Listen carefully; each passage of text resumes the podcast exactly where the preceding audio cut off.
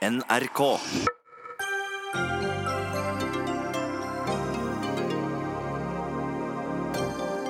Uro i Senterpartiet timer før sexmeldingen sendt til Navarsete kan bli meldt til politiet.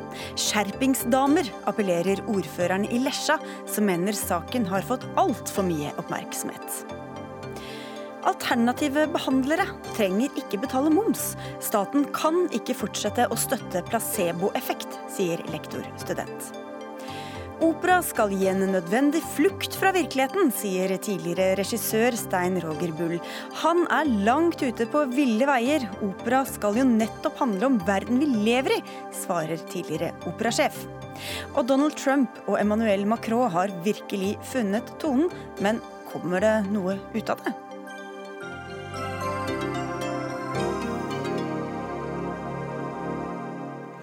Spør vi i Dagsnytt 18. Jeg heter Sigrid Solund.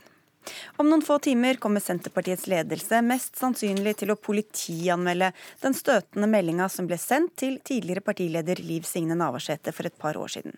Fristen for den eller de ansvarlige på den mye omtalte hytteturen om å stå fram går ut ved midnatt.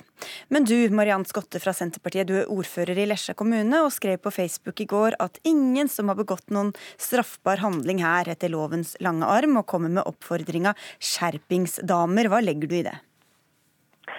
I det legger jeg at uh, denne her saken uh, pågikk for to år siden. Den burde jo ha vært håndtert da, og ikke være et gjenstand i media nå, to år etterpå. Hvor det burde behandla internt i partiet vårt for to år siden. Hvem, hvilke damer er det da som skal skjerpe seg? Det er oss Damen må jo skjerpe oss. Du ser jo på den linken jeg la ut, så handler jo det om noe interne senterkvinnestridigheter. Og jeg har jo gitt min fulle støtte til Oppland Senterparti, som mener at uh, meldinga er grov, ja, veldig grov, men at nå må den som har sendt den meldinga, stå fram internt i partiet og si unnskyld, slik at partiet kan komme seg videre, slik at vi kan fokusere på politikk, slik at vi kan logge god politikk og få de unge til å være med på denne. Vi trenger ikke dra det lenger enn nødvendig.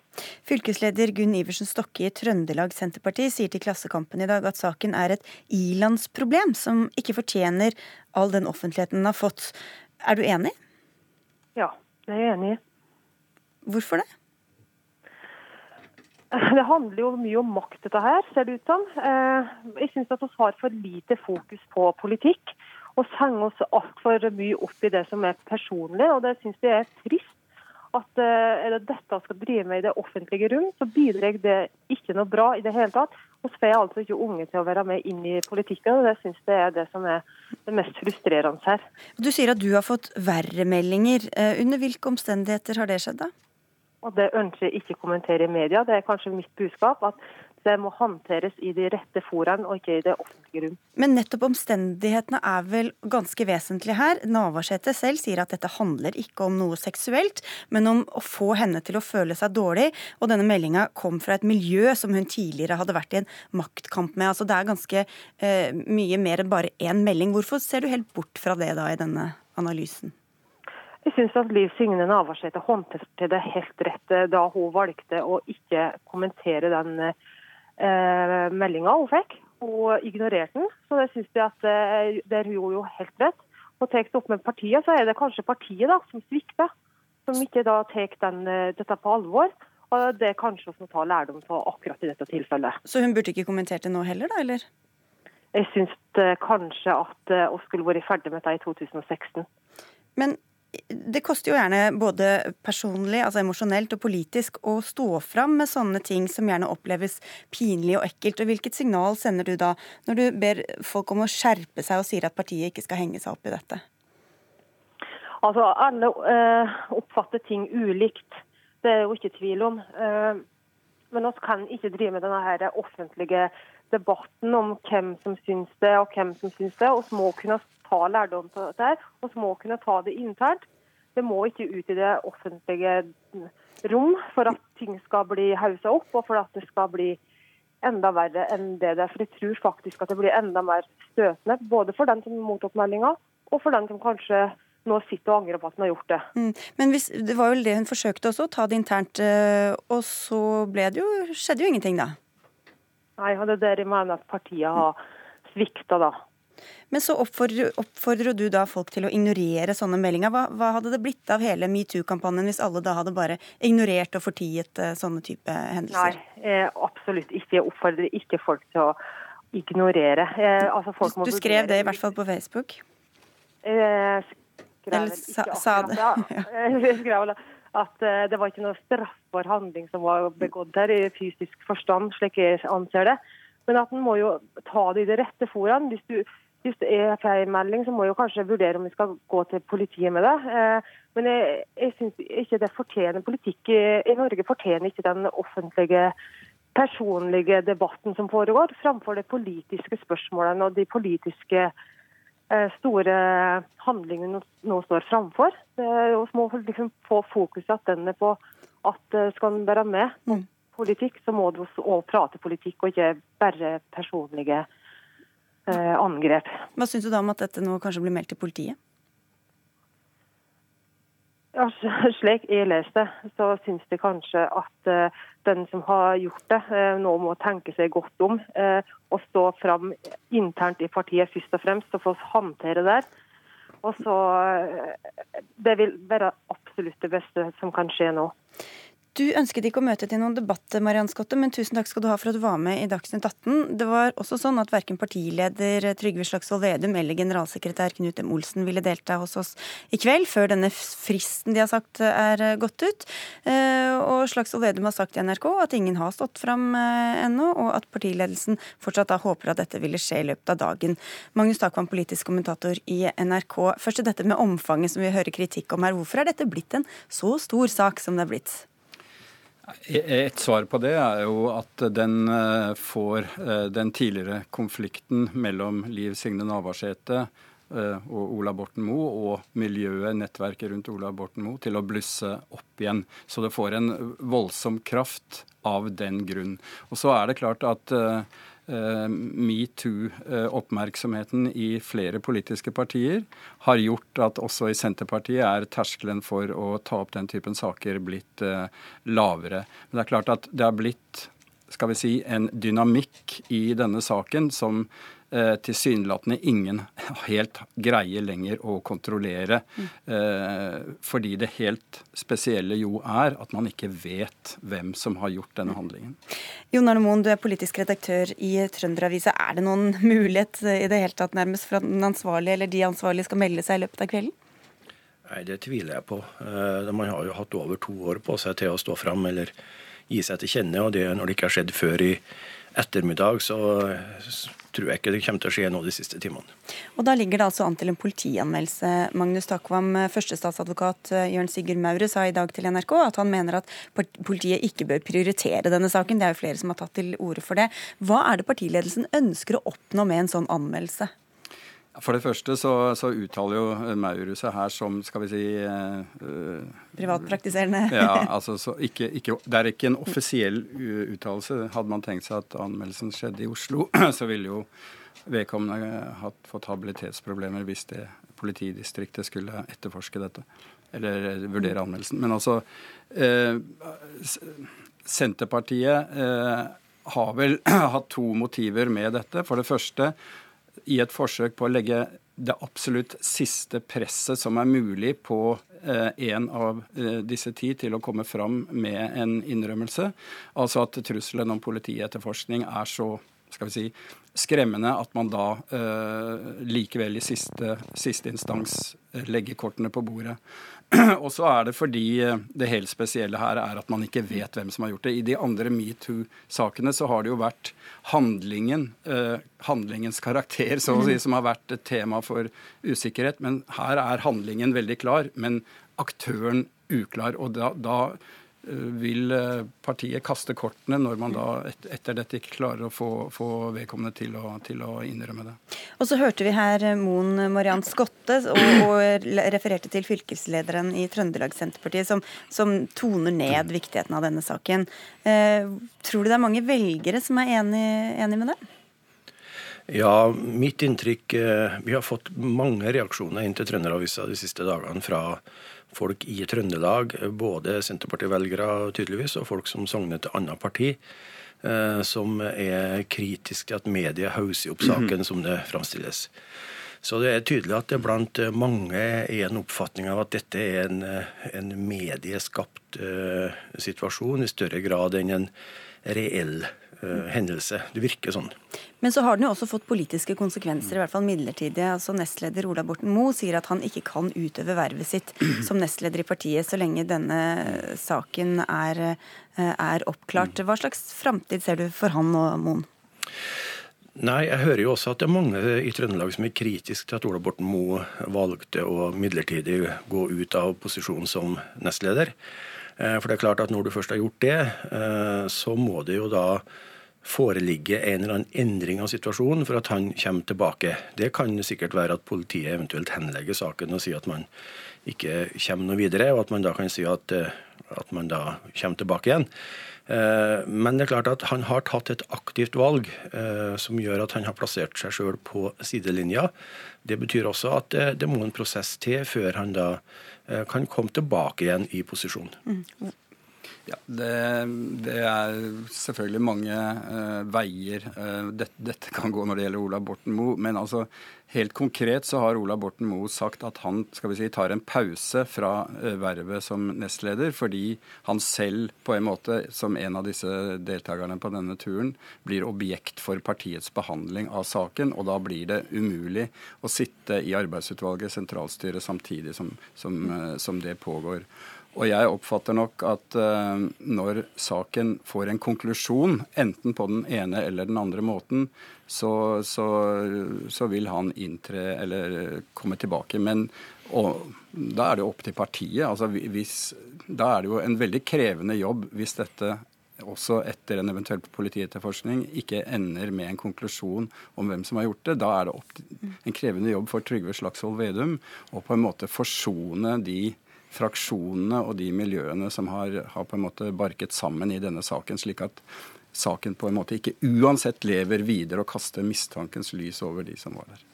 Men ennå er det altså noen timer igjen til denne eh, partisatte fristen. Imens kan alle se Liv Signe Navarsete på Torp i kveld, kvart på åtte på NRK2. Takk skal dere ha, Jon Arne Moen og Magnus Takvam. Og takk også til eh, Mariann Skotte, som altså er ordfører i Lesja kommune for Senterpartiet.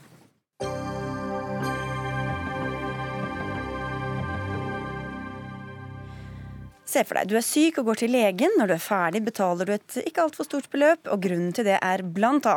at du slipper å betale moms. Slik er det også hvis du velger å gå til en healer, vel å merke om de har registrert seg i Brønnøysundregistrene og er medlem av en organisasjon som er godkjent av Helsedirektoratet.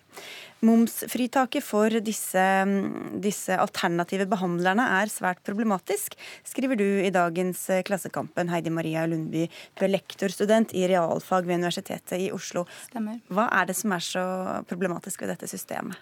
Eh, jeg tenker at det er snakk om veldig mye penger. Og det er viktig å stille seg spørsmålet om dette faktisk er et reelt helsetilbud. For at dette momsfritaket er jo forbeholdt de som tilbyr helsetjenester i Norge. Og i utgangspunktet så burde det jo være sånn at alle betaler moms. Og hvis det er unntak, så burde det stilles ganske strenge krav til å få det unntaket. Mm. Um, og hvorfor mener du da at, at, alternative behandlere ikke kan sidestilles med de tradisjonelle? Fordi behandlingen deres ikke nødvendigvis har dokumentert effekt. Uh, Rett og slett. Mm. Det, er ikke, det, er ikke, bra nok dokumentert effekt til at jeg syns at det kan kvalifisere til den eksklusive ordningen. da. Uh, ja. Da kan vi høre med noen av dem det gjelder. Ingunn Bratli, du er sykepleier og styreleder i Det norske Healerforbundet. Hvorfor skal dere få momsfritak? Da driver jo også healere med helse. Sett deg litt nærmere, bare. Ja, jeg sier Nå driver jo også healere med helse. Og eh, momsfritaket er jo eh, Det er heller ikke sånn som du skriver, at eh, alternative behandlere ikke blir fulgt opp av Helsedirektoratet. Fordi eh, det er eh, utøverorganisasjonene som blir fulgt opp. Og vi har jo et ansvar for å påse at eh, alle våre medlemmer har og driver en forsvarlig praksis. Så det er en liten korrigering i men, men dere driver med, med, helse, men um, hva slags publisert og anerkjent forskning har dere da, som viser at det dere gjør, har også dokumentert helseeffekt? Da har jo vi uh, Vi har samla en del i, uh, gjennom forbundet, men nå er det jo NAFKAM som har ansvar for forskning i Norge. Det har faktisk ikke vært forska på alternativ behandling i Norge, så det er en myte. Vi ligger ganske Så vi vet ikke om det virker?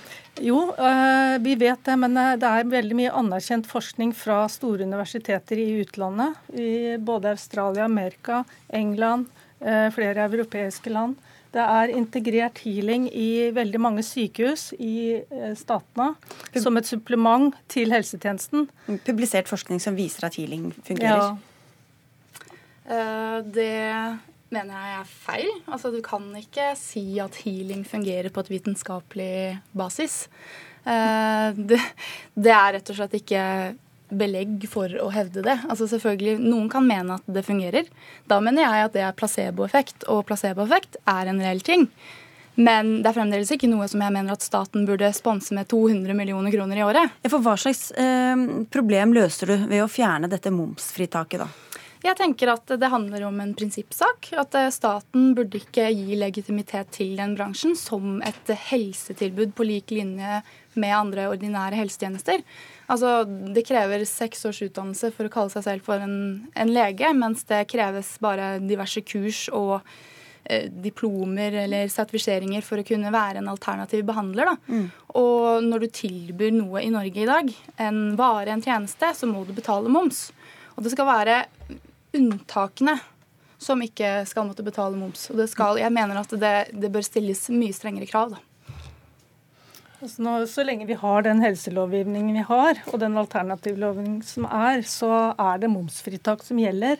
Og healing er definert eh, som en helsetjeneste. Men da er det veldig mye sånn som kan defineres som en helsetjeneste. Eh, og I tillegg til det, hvis jeg kan få snakke ferdig, så er det mye anerkjent forskning på store eh, universiteter i eh, verden rundt forbi med professorer. Det som er så synd, det er at Norge blir hengende etter og ikke har tatt i bruk den forskningen som er. Eh, det er, det er, veldig synd. Og så er det sånn at eh, healere er en del av en sekkepost som kalles alternative behandlere. Innenfor den sekkeposten der så er det registrerte healere som får momsfritak. De er registrert i Brønnøysundregisteret. Så er det de som ikke er registrert, som ikke er heller medlem av en organisasjon. De har ikke rett til Alternativ, eller til momsfritak. Det som er litt dumt, er at vi ikke sitter med noen av denne forskningen akkurat foran oss nå. Men vi kan gå til deg, Sveinung Stensland. Du sitter eh, i helse- og omsorgskomiteen på Stortinget for Høyre. Hvorfor skal healing innunder denne lukrative ordninga? Det er et godt spørsmål, og jeg vil berømme vedkommende som skrev den kronikken i Klassekampen. Den er utmerka. Lundby. Ja, Lundby har noen utmerka gode poeng, og jeg har selv tidligere tatt til orde for at alternativbransjen burde betale moms, for det er ikke dokumentert. Så heldig at dere sitter med helseministeren, da. Ja, men dette er faktisk et eh, finanspolitisk spørsmål. Jeg har til og med i dag snakket med finanspolitikere som er enig i at her er det noe vi må se nærmere på.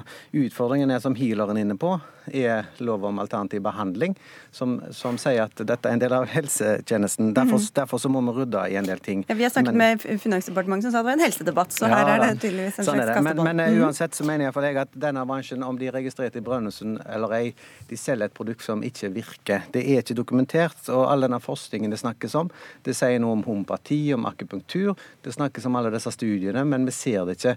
Og det som er faktum, at i det helse, et helsetilbud er godt dokumentert, så er det faktisk ikke alternativ medisin lenger. Da er det medisin. Og Alternativbransjen den burde vi i større grad ta avstand fra som offentlige, som offentlige, personer, og sagt at det skal ikke være en del av den offentlige helsetjenesten. Og Så er det da en ekstra utfordring med sykepleiere og leger som både driver sykepleie og uh, legevirksomhet, og samtidig driver alternativ behandling. Og Der er det en del sånn grenseoppganger som gjør dette komplisert. Men jeg mener at at eh, alternativ medisin bør eh, pålegges eh, merverdiavgift, sånn som alle andre tjenester. Og i det øyeblikk det er dokumentert, mer enn at en kan vise at, at noen professorer har sagt noe, noen har skrevet noe i Australia, Så tar vi det inn i helsetjenesten, og det blir en del av den allmenne helsetjenesten. Jeg sa at dere sitter med eh, helseministeren, men det er ikke dere som sitter med finansministeren. Det er det dere som gjør det, gjør Bård Hoksrud. Du er stortingsrepresentant for eh, Fremskrittspartiet og sitter i helse- og omsorgskomiteen. Er det litt strid innad mellom regjeringspartiene her, eller? Jeg, jeg må si at jeg reagerer litt på det Sveinung Stensland sier. fordi det er altså sånn at pasientene og mange pasienter opplever at dette faktisk virker eh, og gir bedre behandling. Og så er det sånn at Her er det også et stort spekter i forhold til hvem som gjør dette, hvilken utdannelse man har. Det er også folk her som har veldig lang utdannelse over flere år. Jeg mener, og Fremskrittspartiet mener at vi burde hatt en utredning hvor vi hadde faktisk gått gjennom alt dette her for å luke ut noen av de som er useriøse, og for å sørge for at de som er seriøse, og få tak i denne forskninga som, som, som, man er ute etter her. Men jeg syns at dette blir spesielt å bare si liksom at dette er bare bløff alt sammen, og dette funker ikke. Eh, det er bare å gå og prate med veldig mange mennesker. Eh, napropati, osteopati osv er altså ting som dokumentert kan vise at det funker. Healing? Ja, det, det er, sånn, her er det på mange som sier, det er, det er pasientene, de som bruker disse tjenestene, som vet aller best hvordan de opplever det. Og så sier jeg at derfor ønsker vi å ha en utredning, nettopp fordi vi ønsker å se så mer på de forskjellige Du er ikke så sikker på healingens helende egenskaper? Nei, men poenget mitt er at jeg skal ikke være det. Men det er derfor jeg vil at vi skal utrede det, for å se hva, er, hva funker og hva funker ikke. Men Bård, eh, du, du, du vet hva vi kaller alternativ medisin som er dokumentert. Det kaller vi medisin. Jo, men, men, og hele utfordringen med alternativ medisin er at det er Problemet her, Sveinung Stensland, er at f.eks. napropati og osteopati, som vi kan dokumentere og fått se at funker, det, det blir også uh, sett på som alternativ behandling. Eh, sånn at jeg mener at Det er derfor jeg også vil ha den utredninga. Jeg syns det er synd at du er så negativ til å få til det. Jeg skulle gjerne sett at du var litt positiv til det. For da kunne vi fått nettopp rydda opp i noen av de tingene som jeg tror vi begge to er enige om. At vi skal ha bort en del av det useriøse. Slipp til healeren. Uh... Ja, eh, nå er det 20 år siden sist det var en utredning som ble vedtatt av Stortinget. Og i den utredningen, Årbakke-utvalget, eh, så ble det nettopp konkludert med at man kan ikke utelukke at healing har en effekt samtidig med flere andre alternative behandlinger. Og det bygger på et eh, forskningsgrunnlag som er eh, ikke for utdatert. Det ligger der. Men et, i, i, løpet av disse 20 årene så har det skjedd en utvikling med masse ny forskning i utlandet, dessverre ikke i Norge.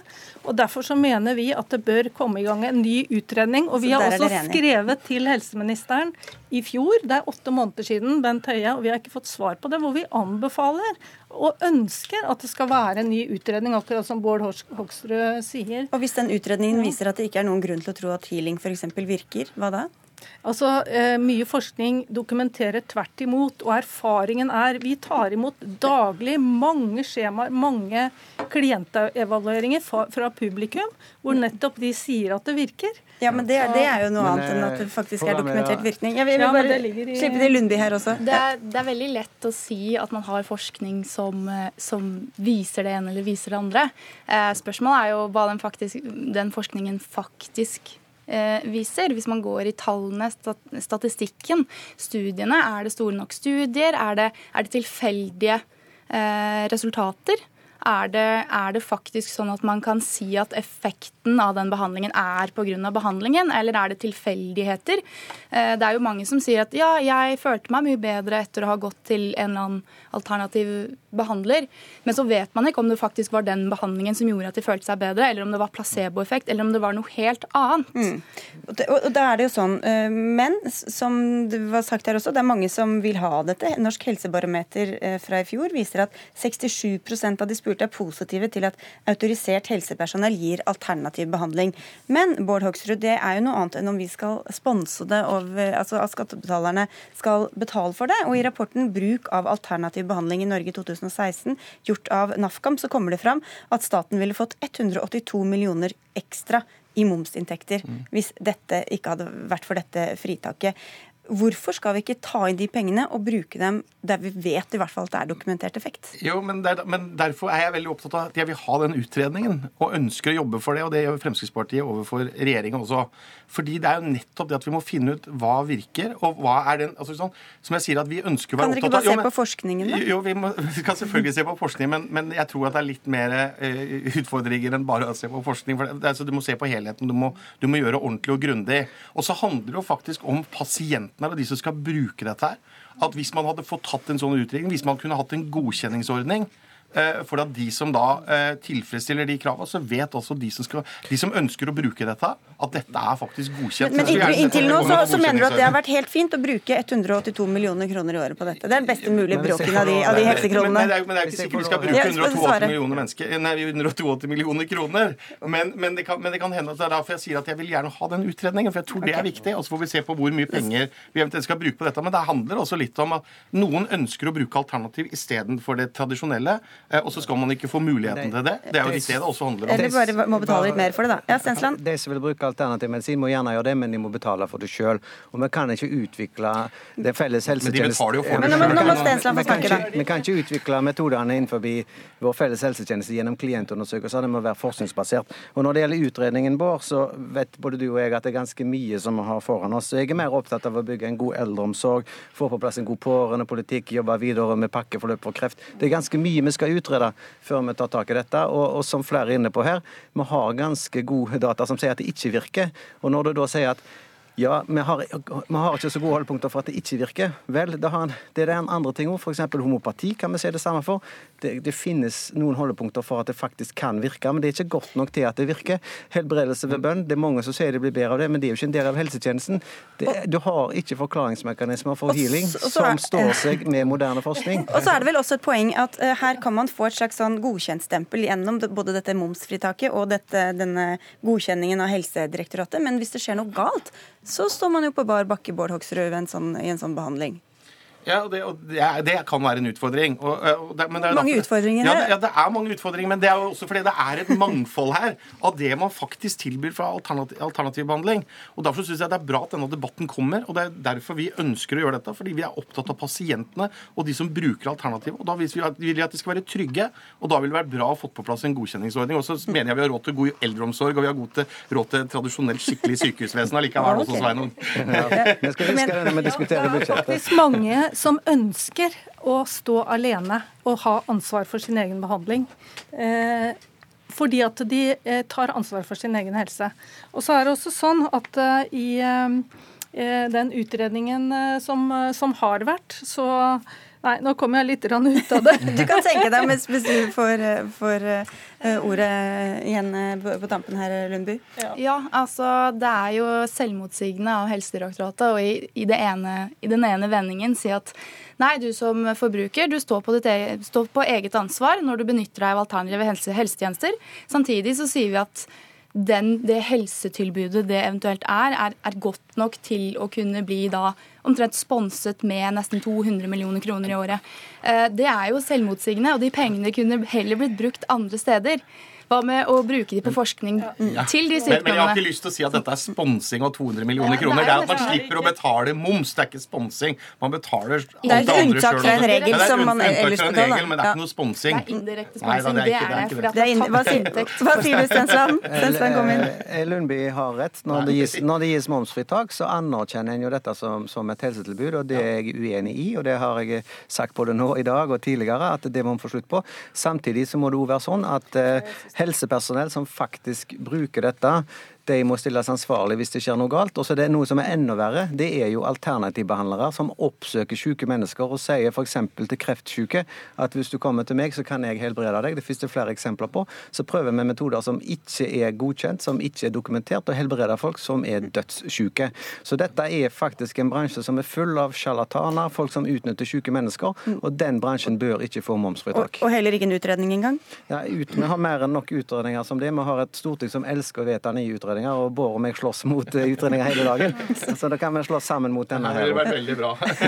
ja. Altså, forskning eh, Vi opplever vel også det at eh, dere legger litt munnkurv på oss, bl.a. gjennom ny lovgivning og Vi, at dere, er det politikerne, eller Det er oss, politikerne som har vedtatt det. okay. At vi ikke får lov å ytre oss om nyere forskning. Ja, Og det det er- en det er sludder. Dere har Og lov å dette har vi mene også hva dere vil, men dere spist, må dokumentere det. skrevet til, eh, og så er det det med egenandel.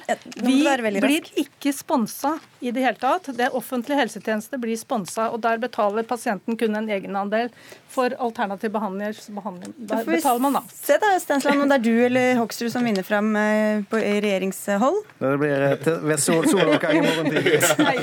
Her skulle vi hatt både forskere og Helsedirektoratet og mange flere. Vi får lukte, lukter oppfølging her, men vi sier tusen takk i denne omgang i hvert til, til deg, Heidi Marie Lundby, til Ingunn Brattlid fra Healerforbundet, Sveinung Stensland fra Høyre og Bård Hoksrud fra Frp. Hør Dagsnytt 18 når du vil. Radio NRK.no. Tiårets største opera, 'Kalkun', en misforstått Tryllefløyten og en håpløs tolkning av Tosca. Flere eksperimentelle oppsetninger på Den norske opera og ballett får elendige skussmål i Aftenposten når du oppsummerer de siste årene, Stein Roger Bull. Du er tidligere produsent og regissør, bl.a. Hva er det du har sett på scenen som har vært så håpløst? Ja, Det jeg har sett, er eh, at, at det er blitt engasjert eh, internasjonale regissører som eh, ikke har lyttet til musikken. Eh, som ikke har tatt utgangspunkt til selve eh, eh, det som er kjernen i en opera, og det er musikken. Og da blir det regissører som sitter på et skrivebord og finner på hva de skal gjøre, og det blir utenpå-regi som ikke korresponderer da med det musikalske. Og det blir utrolig forstyrrende, og det gjør at vi da ikke får en, den tilsiktede opplevelse av å være i operaen. Hvordan er det kommet til uttrykk, f.eks.? Ja, det kommer til uttrykk ved at man eh, eh, i de mest vakre partier à La Traviata lar hele koret og statister trampe over, en, eh, over scenen. Det kommer til uttrykk ved at i, i, i, slutten av Tosca tar og teiper igjen hovedrollen, slik at han ikke får, verken kan bevege armer eller ben. Altså, han sang jo fantastisk, da. ja, ja, men, men det, det, blir på en måte at du, du, du skjønner det ikke. Eh, du skjønner ikke hva de vil, og så da i tillegg så eh, eh bruker da altfor ofte etter min vurdering, da eh, denne type regissører og plasserer ut en naken dame på scenen. Eh, og det Det, det er mer nakne folk i balletten. Det er, det er i, i, 2018 så er det ingen som sjokkeres av, en, av, et nakent menneske. Eh, det blir bare å finne på, og du sitter i salen og lurer på hva er egentlig meningen med dette? Nå har du allerede trådt inn. Vi må, vi må introdusere deg, for det er du som har stått ansvarlig for oss en del av disse stykkene da per Boje Hansen, du er tidligere eh, operasjef, eh, og du har svart i Aftenposten. Ser ikke ut til at du syns kritikken treffer så godt? Nei, jeg syns ikke det. Men jeg må først få lov å si at jeg syns det er veldig gøy å sitte her i studio og få diskutere opera med en annen person som er like lidenskapelig opptatt av opera som meg selv.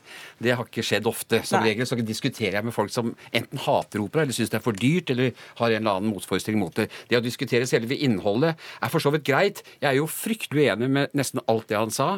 Når jeg velger en regissør, så er det første bud å finne en regissør som kan forstå og lese musikken. Altså har vi helt diametrale mots, altså ulike oppfatninger av hva det vil si å lese et musikalsk partitur og omsette det til en scenisk handling. Og at vi har da forskjellige synspunkter på det, det blir jo ikke så veldig interessant. for fordi at Lytterne nå de, de, kan jo ikke vite egentlig hva vi snakker om. ikke sant? Altså, hvis Tror dere hadde så mange at, publikummere? Ja, det, jo, men da skal vi liksom referere til akkurat der hvor, ja. hvor du mente at koret trampet, og jeg syns det ikke gjorde noe, for der var ikke musikken ja, så viktig. Men Hvis vi ser litt overordnet på det, da. Overordnet. Mm. Det som jeg reagerte mest på, var at uh, Stein Roger, han Stein Roger Bull han uh, påsto da i, uh, i den artikkelen sin at dette er en fare for et fremtidig publikum, og han advarte hvis vi fortsetter å lage den type opera som er, som er engasjert, og som tar og flytter handlingen inn til vår tid, som vi veldig ofte gjør da i, i moderne operaoppsetninger, så er det en fare for framtida. Mm. Og det motsatte, det motsatte, har jo vist seg å være tilfellet. Eh, aldri har så mange mennesker kommet i operaen som i det siste. I min siste sesong i fjor så satte vi publikumsrekord. Så jeg syns den advarselen den blir ja. litt feil å komme med. Du, du, har tallene mot deg da, Bull? Ja, jeg har tallene mot meg. Men eh, vi skal huske på at vi fortsatt bare snakker om eh, den nye norske opera som er ti år gammelt, og enda har den nyhetsinteresse. Mitt poeng er De kommer uansett. Med disse Mitt poeng er at uh, nå er det over. Nå er vi inne i en ny tid. Nå må forestillingene uh, bli av en slik art at den tiltrekker seg både et uh, allerede operaelskende publikum, men også et nytt publikum. Og når, når, når Per Boje Hansen skriver at, at hvis ikke vi på en måte er i tiden og, og, og, og, lager opera med i vår virkelighet, ja, så skremmer vi folk bort, og det, og det er døden for en fremtidig opera. Da minner jeg om at operaen er 400 år gammel. Og det har aldri vært større interesse for opera enn det er i dag. Eh, Slik at eh, jeg tror at hans spådom om operaens snarlige død fordi vi da øh, kanskje legger mer vekt på opera som er opplevelse, eh, istedenfor å måtte eh, da bringe virkeligheten inn i operaen. Ja, så Ikke så politisk, f.eks. Det må ikke være en samtidskommentar? Jeg sier at det ikke må være det, for det finnes jo mange eksempler på Vi har i, i, vi har i dag en, en, en Rigoletto eh, som går på Malmö teater, som da eh, er brakt opp til vår tid, eh, og, som, eh, og, og, og som tar både aktuelle metoo og den, den, den, den er en, en spennende thriller eh, som Kasper Holten eh, har hatt regi på. Med stor suksess, men det er tatt vare på det musikalske. Stefan Herheim han gjorde om eh, La Bohème til å handle om kreft, men hele tiden tatt utgangspunkt i musikken. Jeg var med fra Mm. første prøve og så hvordan han virkelig tok tak i hver eneste takt da han satte den opp. Ja, det var på Norsk Opera. Ja. Ja. Nei, hva skal jeg si til det? Altså, Jeg har jo da en helt annen oppfattelse av hva som er godt musikkteater. Uh, operaen holdt på å stivne uh, i en uh, tilbakeskuende form. Det var de samme draktene, kostymene, kulissene. Satte man opp Rosenkavaleren av Strauss, eller hvis man satte opp La Bohème, så skulle man skildre pariserlivet i 1830. Uh, og man gikk for å se på det samme om og om igjen. Det klarte nok å framskaffe en en gjeng av veldig dedikert interesserte operaelskere som gikk for å høre på vakre stemmer, som gikk for å se på disse fine kostymene, men det ble helt uaktuelt og irrelevant for et teaterinteressert publikum. Det som har skjedd egentlig over hele verden, og som har skjedd med i økt grad i de årene jeg var operasjef, er at vi har forsøkt å gi disse operaene relevans til å snakke om problemer som angår oss i dag. Det å også undersøke verkene og se hvordan kan vi gjøre dette spennende. Hva er det i de verkene som er skrevet for 150 år siden, som fremdeles har aktualitet? Og Hvor kommer da denne nakne dama inn eh, på scenen? Nei, altså Nakne damer hadde vi kanskje én i eh, Tosca, så var det én naken mann i Carmen. Hvis du går på balletten, så tror jeg du får mye mer nakenhet. Det er ingen som er Altså, det er et helt vanlig teatralt uttrykk som du finner om du går på teater, eller om du går på, eh, på film, eller Altså, det, det, blir, det blir ikke noe argument. Men opera, det er lidenskap, det er kjærlighet, og det er død. Og Derfor kan man stå og, og synge om, eh, om kjærlighet i fem minutter, og man kan synge om døden i syv minutter. Hvorfor det? Jo, for det er evigvarende. Det er det livet handler om. Og det er dette som er opera. Men det er opera denne er- opplevelsen som du skal ha med deg når du går ut av operaen og er nesten sliten av opplevelse. Stoler de for lite på musikken, eller? Hva sier du? Stoler de for lite på musikken? Ja, ja. det gjør de. de, de, Men opera er jo så veldig mye mer enn både lidenskap og død, Stein Roger. Det Men handler- livet er det. Ja, Livet er, og- er akkurat dette, og det, og det må, Og, li, og operaen har altså den muligheten til å fange alle aspekter av livet og bruke både det scenografiske, det musikalske og det skuespillermessige. Og det skuespillermessige har blitt neglisjert i operaen i veldig lang tid. Og det er veldig bra at vi nå har fått, et, op- eh, fått en operakunst som relaterer seg til aktuelt teater på en annen måte enn det som var mulig tidligere. Er det ikke deilig med P2, dere? Jeg tror... Jo, det er så deilig å kunne få lov også Jeg, jeg, sa til meg selv at jeg skulle ta det helt rolig tilbakelent, men jeg blir altså så engasjert. Jeg vil gjerne ta et lite eksempel, hvis jeg kan få lov til det. vi må egentlig avslutte nå. Det må Ja. være veldig kort. La Bohème foregår i Paris i 1830. Når Puccini skrev den operaen, så var det ikke for å så lage et koloritt og, og prøve å finne... Det var ikke fra hans romantisk Det var ikke en romantisk tilbakeskudd. Det var for, å, så var for å lage en, en, en dramatisk historie om hvordan en kvinne dør av tuberkulose. Når vi da setter opp den eh, oppsetningen i, her i dag, så flytter vi det da til en k- kreftsituasjon. Den fikk dere det er det mange som ikke liker, men det er også en måte å aktualisere operaen på. Dere, vi må takke av. Tusen takk skal dere ha for at dere kom, i hvert fall Per Boje Hansen og Stein Roger Bull. Dagsnytt 18 på NRK P2 og NRK2. I tre dager har Frankrikes president Emmanuel Macron vært på statsbesøk hos USAs president Donald Trump. Og det som har utmerket seg, er den gode, vennskapelige tonen dem imellom, både i form av ord og kroppsspråk. Trump har rost sin franske kollega opp i skyene, men nå har Macron holdt en tale til Kongressen, Anders Magnus, NRKs korrespondent i Washington. Og det er jo spørsmål om han har eh, lyttet, eh, om de har lyttet til hverandre. Hva sa eh, Macron? Denne talen eh, han begynte jo med eh, lovprisninger av samarbeidet mellom eh, USA og Frankrike, selvfølgelig. Men ut i talen så utviklet den seg til å bli nærmest en, et frontalangrep på veldig mye av den politikken som Donald Trump står for. Macron gikk hardt ut mot dereguleringer i næringslivet. Han gikk hardt ut mot ekstrem nasjonalisme. Han gikk hardt ut mot handelskrig og sa at det bare fører til færre jobber og høyere priser. Han gikk eh, hardt ut mot at USA hadde gått ut av klimasamarbeidet og sa at han var helt sikker på at eh, amerikanerne ville komme tilbake igjen til Parisavtalen.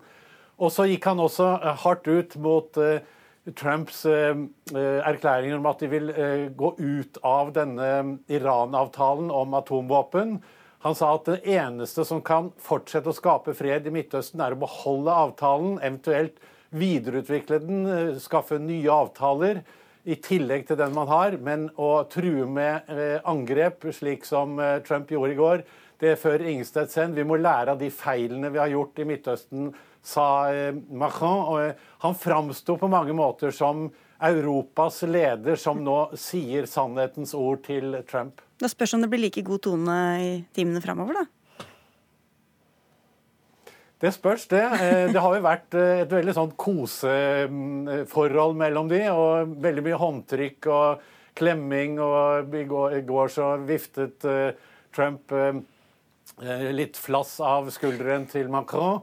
Men det har også vært kritikk i franske medier om at, at Macron på en måte framstår som en lillebror foran denne store Trump som drar ham med seg i alle retninger.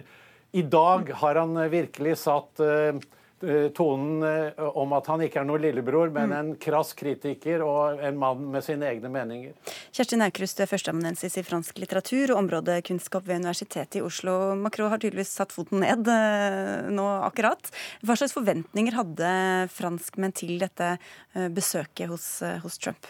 Ja, de hadde nok en forventning av at han skulle være tydelig i kritikken, og har nok vært litt skuffet eh, fram til nå, ja. At eh, det har vært for mye bromance eh, og for lite politikk og kritikk. Og det er jo litt i tråd med den utenrikspolitiske linja som Frankrike har hatt i forhold til USA eh, veldig lenge, helt siden Charles de Gaulle, som sa at Frankrike skal absolutt være USAs alliert, men ikke en basall. Altså mm. ikke underdanig. Det skal være to like sterke parter som møtes. Mm. Og Macron, Første gang han møtte Trump, så var jo dette famøse håndtrykket hvor han klemte så hardt at uh, Trumps knoker ble hvite, og han fikk satt seg i respekt med en gang. Og han har jo tidligere fra FNs talerstol, talerstol uh, turt å komme med kritikk av Trump. Men jeg tror at det han har valgt som strategi, er personlig diplomati. Altså satset alt på at eh, den tonen dem imellom skal være såpass god at han har mulighet til å påvirke mer sånn på tomannshånd. Mm. Men eh, det ser ikke ut til at det har funket så langt, da. Nei, for nå blir det jo spennende, da, Anders Magnus, om hvordan Trump eh, reagerer på, eh, på denne talen. Hva, hva, er det, hva, er det, som har gjort at de har hatt en så god god kjemi som, som det de tilsynelatende i hvert fall har hatt nå de siste dagene? Jeg tror det skyldes at de begge ser på seg selv som eh, outsidere. Altså uvanlige politikere som ikke kommer fra de etablerte partiene. De har funnet tonen der. De ser på seg selv som sterke ledere. Eh, og denne, eh, disse håndtrykkene er jo en slags håndbak dem imellom. og Hvor da Trump har funnet ut at ja, her har jeg kanskje min likemann. Trump har tvitret i dag om talen, men det var før Eh, han, eh, Macron holdt eh, talen, og da sa han at dette kommer til å bli en stor tale. Det har det jo blitt, men spørsmålet er om han er like glad for innholdet i den nå etterpå. Det som mange lurer på her, er jo om Trump kan la seg overtale til å fortsette denne atomavtalen med Iran. men gå med på at USA og Europa forsøker å forhandle fram tilleggsavtaler, f.eks. om ballistiske missiler, om Irans militære engasjement i Midtøsten. Det som det som Macron gjorde helt klart i dag, var at han aldri vil tillate at Iran utvikler Eh, atomvåpen. Eh, og det er jo selvfølgelig noe som eh, amerikanerne vil sette veldig stor pris på at han sa. Nå, nå setter jo Macron litt på spill da, ved å ta opp, den talen, ved å ta opp denne, denne avtalen med Iran. Hvorfor er den så viktig for Frankrike? Det er jo viktig for eh, Frankrike å vise at eh, de har en viktig rolle internasjonalt. Og hvis eh, Macron får Trump til å snu i den saken, så blir jo det en stor seier for han. Nå gikk det ut noen meldinger fra Élysée-palasset, altså presidentens kontor i dag, om at man ikke måtte forvente at det skulle skje en sånn U-turn fra Trump med en gang. Det var ikke det som var ambisjonen ambisjonen heller, men at man nå har på en måte sådd frøene for at han skal kunne snu både når det gjelder Iran og når det gjelder Parisavtalen eh, og denne, disse tariff, altså disse mm, økte tollsatsene. Så planen er at, at eh, Macron skal på en måte få Trump til å komme i, i de andre landenes retning etter hvert, eh, med den strategien han har valgt. Hva tror du er planen hans med det her? Det er jo å styrke Frankrikes eh, posisjon. Eh, Frankrike eh, har jo internasjonal image, ble jo svekket under lederskapet til Francois Hollande, som var en en mye tammere president, kan man vel si. Og så er det absolutt slik at Macron har en fascinasjon for Amerika, for USA, som er ganske atypisk fransk. Han har til og med studert amerikansk historie og er veldig fascinert av den amerikanske gründerkulturen og denne stå-på-viljen. Eh, så det er nok noe genuint i, i, den respekten han har for Trump. Og, og, som det ble sagt der, den er gjensidig. Trump liker vinnere. Eh, og jeg har til og med hørt eh, artige historier om at Trump noterer når han ser omtale av Macron i amerikansk presse, at, at Macron har fått gjennom denne reformen osv., så, videre, så skriver han 'good job, Emmanuel', og så sender han det til Élysée-palasset.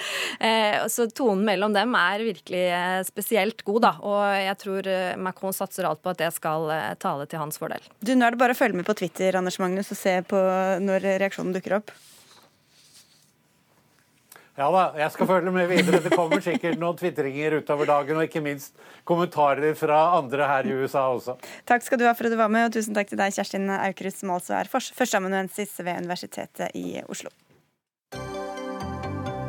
Dagsnytt 18 alle hverdager klokka 18. På NRK P2 og NRK2.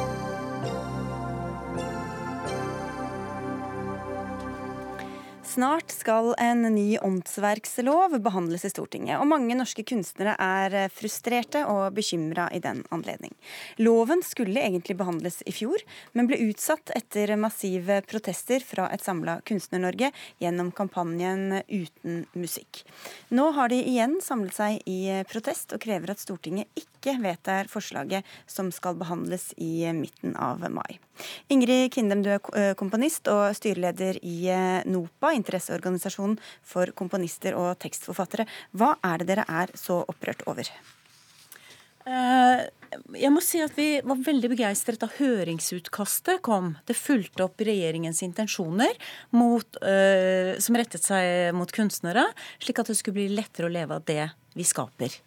Og så kom lovforslaget som var noe ganske annet. Det tok i mye større grad hensyn til produksjonsselskap og kringkastere, dvs. Si erververne, slik de er omtalt i loven.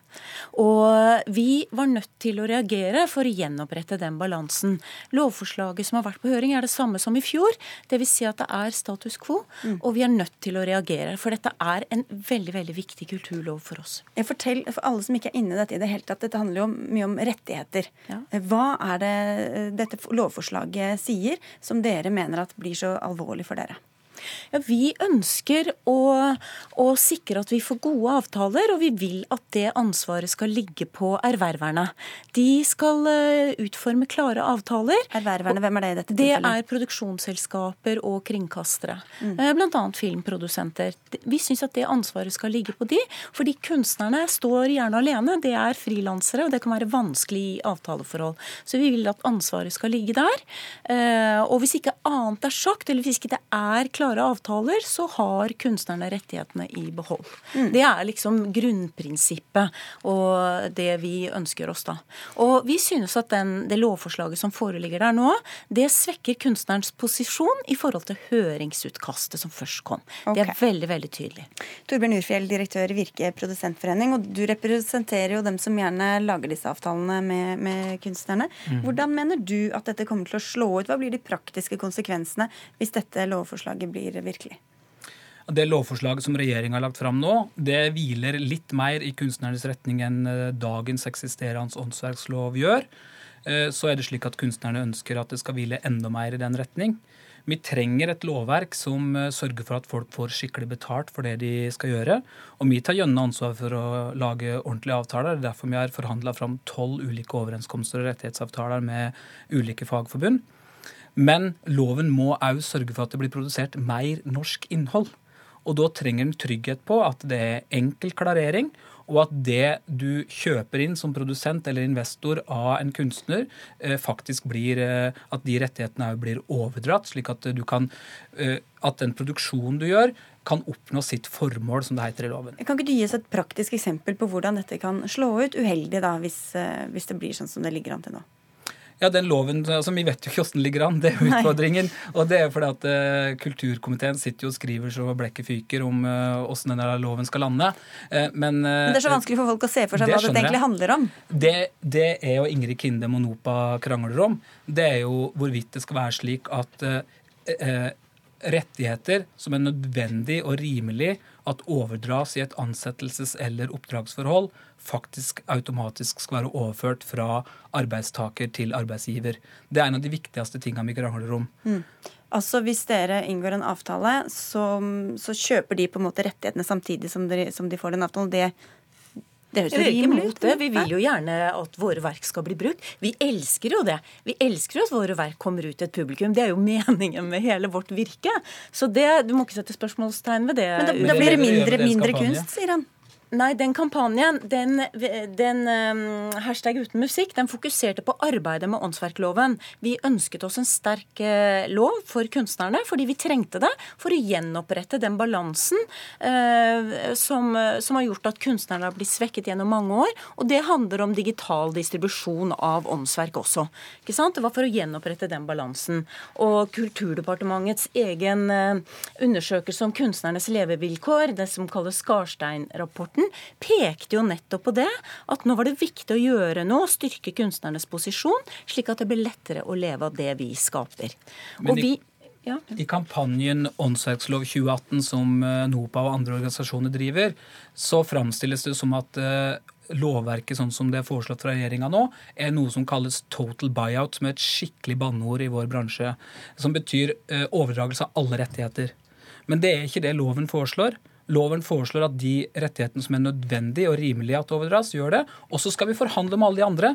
De kan komponister selge til andre, eller de kan selge til produsent. Skal vi, skal vi, ikke høre med noen av de som sitter og skriver så blekket spruter, som du sa. Eh, Marianne Haukeland, du sitter på eh, Stortinget i familie- og kulturkomiteen for eh, Høyre.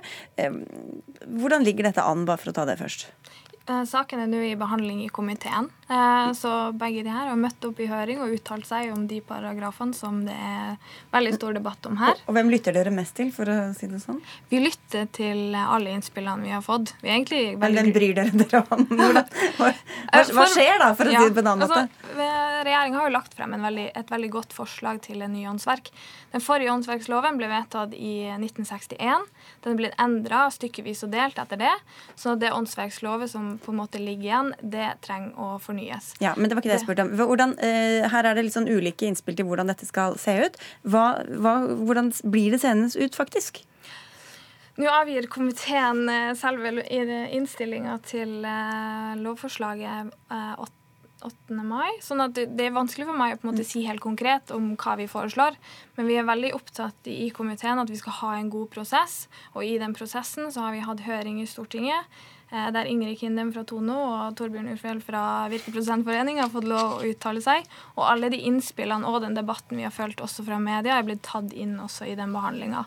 Hva er det du da er redd for, Urfell? At, at, at eh, Haukeland og de andre skal misforstå eller lytte til som, som du ikke ønsker å ha der? Nei, Vi eh, er jo enig i at det lovforslaget som ligger der, er rimelig godt. Vi kunne tenkt at det var litt i mer retning av produsentrettigheter, men det er det jo ikke. Vi er litt, vi er litt redd for at det blir så mye støy nå igjen at politikerne ikke tør annet enn å at en del av lovforslagene som ligger der, eh, forsvinner. Eh, fordi at eh, den kampanjen som Ingrid Kindem og NOPA og andre står for, skaper som et støy at de ikke tør å vedta en lovfesting av det som er dagens rett, nemlig at rettigheter overdras. Så du burde bare være stille og håpe på det beste? Nei, men det, det handler om, Vi har jo hatt et år der man òg kan gå inn og finne ut av hva lovforslaget faktisk sier. Og når det fortsatt framstilles ett år etterpå som at alle rettigheter overdras i den loven som uh, nå er foreslått, og at den òg informerer egne medlemmer og offentligheten om det, så er det feilinformasjon, og det bør de slutte med. Nei, Vi driver ikke med feilinformasjon. Jeg må jo si at eh, Mange av våre medlemmer de er ute der hver eneste dag, og de er presset i forhold til overdragelse av rettigheter. Eh, de, det er ikke reelle forhandlinger. I veldig mange tilfeller så blir de stilt eh, overfor et ultimatum. Enten overdrar du alle rettigheter, eller så blir det ikke noe avtale. Ikke sant? Og Det truer også kollektiv forvaltning, mener vi. Men jeg vil også minne om det at det vi ønsker oss, og det som er våre krav, det var det jo Kulturdepartementet som formulerte i sitt første utkast. Det syntes vi var veldig, veldig bra. Og så har det vært en lang kamp og en seigpining, mener vi også, av eh, kunstnerne i denne prosessen, som har gjort det slik at, eh, at eh, høringsutkastet har blitt noe helt annet, og det styrker i veldig stor grad produsenten og kringkasternes sine interesser. Hvorfor er det blitt sånn da, Haukeland, at det har endra seg etter alle disse høringene? Eh, forslaget er jo fortsatt det samme forslaget som ble vedtatt da Stortinget la frem proposisjon, eller da regjeringa la frem proposisjon. Det er det samme forslaget som ble, ble lagt frem eh, under forrige regjering. Og det er det forslaget vi jobber ut ifra i denne komiteen her. Derfor syns jeg det er jo veldig merkelig når vi kommer opp i en debatt der jeg føler at Eh, kunstnerorganisasjonene er sjokkert over at paragrafen fortsatt står der, når det ikke har vært en, en ny prosess verken i, i regjeringa som har levert noe nytt forslag til oss i komiteen. Så det er det utgangspunktet vi jobber ut ifra. Så de vurderingene som vi må gjøre i komiteen, eh, må da bli gjort. Mm. Men eh, den forrige familie- og kulturkomiteen den ga uttrykk for at eh, paragraf 71, som vi her snakker om nå, eh, skulle trekkes. Det var det inntrykket vi fikk. Men så kommer det jo en helt ny kultur- og familiekomité. Det er bare Geir Jørgen Bekkevold som er igjen fra den gamle komiteen. Og Anette Trettebergstuen, ja. Ja, og Anette Trettebergstuen. Men, men, vi var for så vidt overrasket over det da vi kom på høring, men vi har jo registrert at, at den er der nå. Og derfor så er ikke kampen vår over. Det er status quo fra i fjor. Men, men forståelsen av hva loven sier, kunne jo forandre seg i løpet av et år. Nå har departementet vært veldig tydelig. De uavhengige ekspertene som er på åndsverksfeltsområdet, er utvetydige på at eh, den lovforslaget som regjeringa har foreslått, det er en såkalt kodifisering, altså lovliggjøring, av det som allerede er eksisterende rett. Og når fagfolk er så tydelige, så syns jeg vi skal lytte på fagfolk. Ja, Nå var det flere jurister som støttet vårt syn. Og dessuten så ønsker vi bare det at den skal være slik den har vært, nemlig ulovfestet. Hvis den lovfestes, så vil den også stride imot nordisk rettsenhet. Uh, og dette her blir litt sånn teknisk. Men vi vil bare, bare at det skal beholdes uh, ulovfestet, slik okay. det har vært. Men her har det altså tatt lang tid. Da. Når er det dette faktisk eh, blir noe av? Når vi legger frem ja. innstillinga. Det gjør vi nå 8. mai. Ja, sånn og, med, og, med, alt dette intakt, som uh, her var det frykt for at noe skulle liksom forsvinne litt uh, underveis? Altså, Vi har hatt en veldig god prosess, og jeg er klar over at også forrige komité jobba med denne saken og har gått ut og uttalt seg om, uh, og gitt lovnader. Men det er altså en, en ny komité som jobber med denne saken nå, og, og vi har uh, lovt at vi skal ha en god prosess. Og det viktigste at den og komité... begge de her har vært på høring. ja, Men det viktigste det, at komiteen ikke gjør, det er å skape usikkerhet om at produksjoner som blir skapt i Norge, faktisk kan komme på skjermen, på lerretet, komme ut og møte publikum. Ja, det er ikke noe usikkerhet rundt det. Det er veldig mange som er interessert i det norske kunstnere presterer i dag. Og det som er viktig, Urfjell, er jo å sikre det norske miljøet og sikre rettighetene på norske hender. Det er egentlig det det dreier seg om, og det håper jeg dere støtter oss i. Det, det gjør dere. Og da må vi slutte der, for nå vi, har vi ikke mer tid. Takk skal dere ha, alle tre. Dag Dørum, Erik Sandbråten og jeg, Sigrid Solund, takker for oss og ønsker en fin P2-kveld og NRK2-kveld videre.